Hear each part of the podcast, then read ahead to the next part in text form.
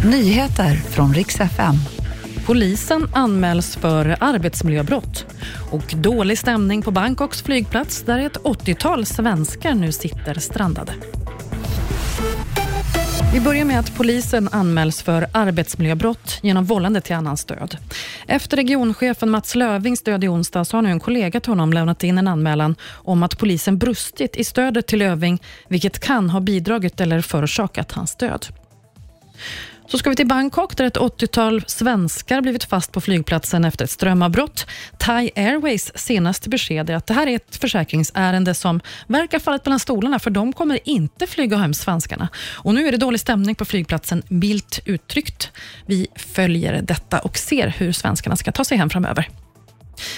Så ska det handla om Jonas Gardell och Mark Levengood. De fortsätter synas tillsammans, senast på Mallorca.